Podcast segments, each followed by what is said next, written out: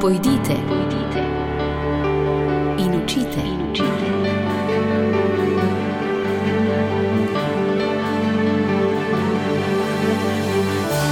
In šli so.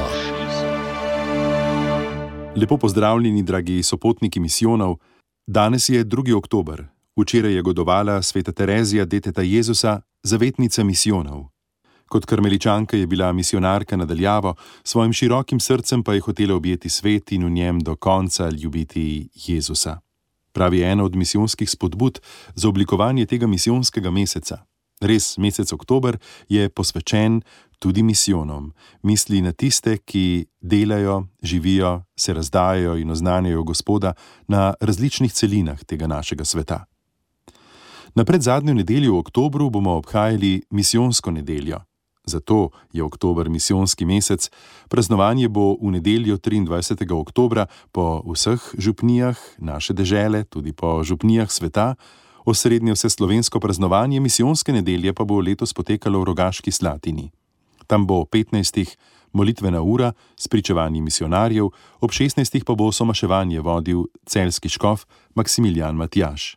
Geslo letošnje misijonske nedelje je vzeto iz apostolskih del: Vi boste moje priče.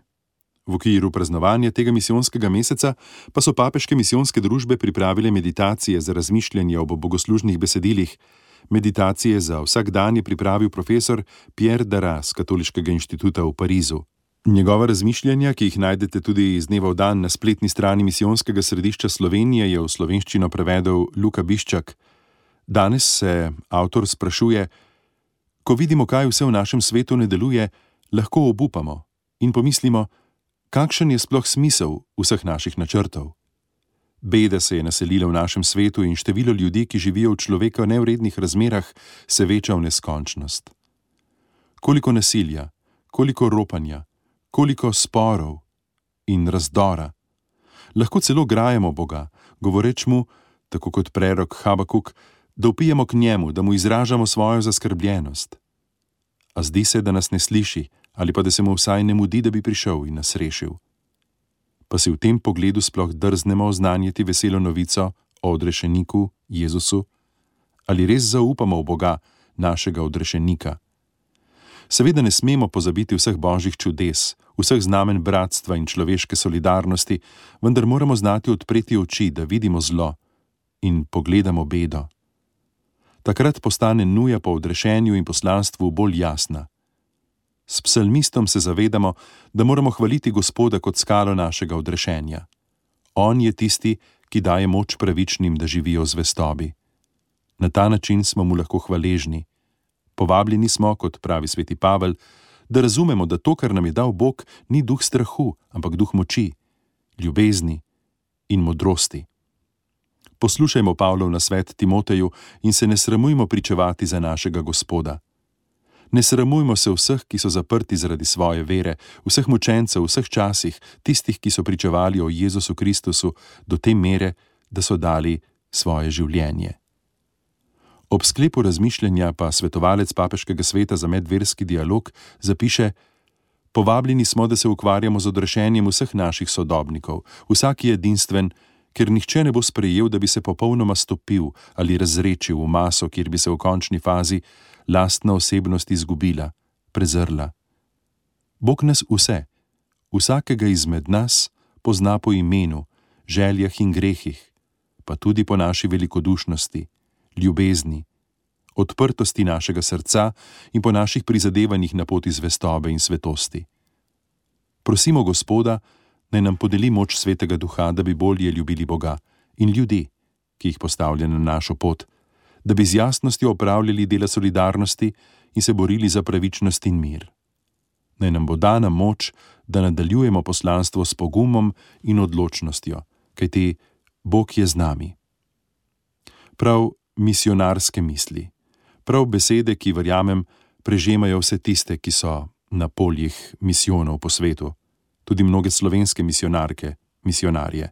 Torej, vabljeni na spletno stran misijo.si, kjer misijonsko središče Slovenije skrbi za podobne misli vsak dan v tem misijonskem oktobru. Letos se v tem mesecu posebej spominjamo misijonskih obletnic.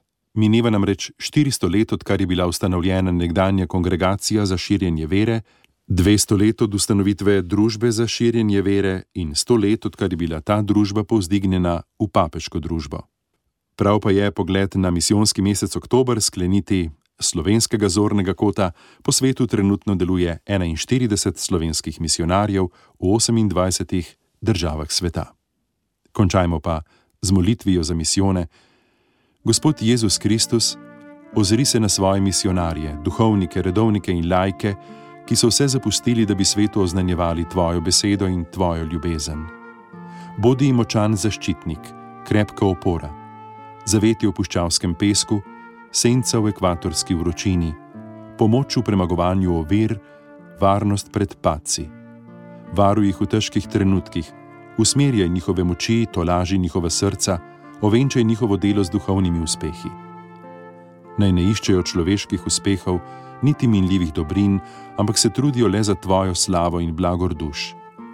Tvoje božansko obličje na križu jih spremlja skozi življenje. Govori jim o junaštvu, odpovedi, ljubezni in miru.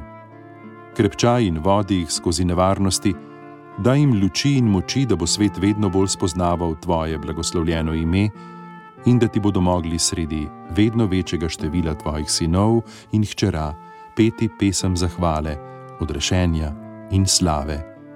Amen. Toliko za danes v rubriki, ki je želela spomniti na to, da smo v mesecu oktobru, ki je tudi mesec posvečen misijonom. Naj to odmeva tudi v vaših razmišljanjih, delih in molitvi. Nasvidenje, z vami sem bil Jure Sešek. Pojdite, pojdite in učite. In učite.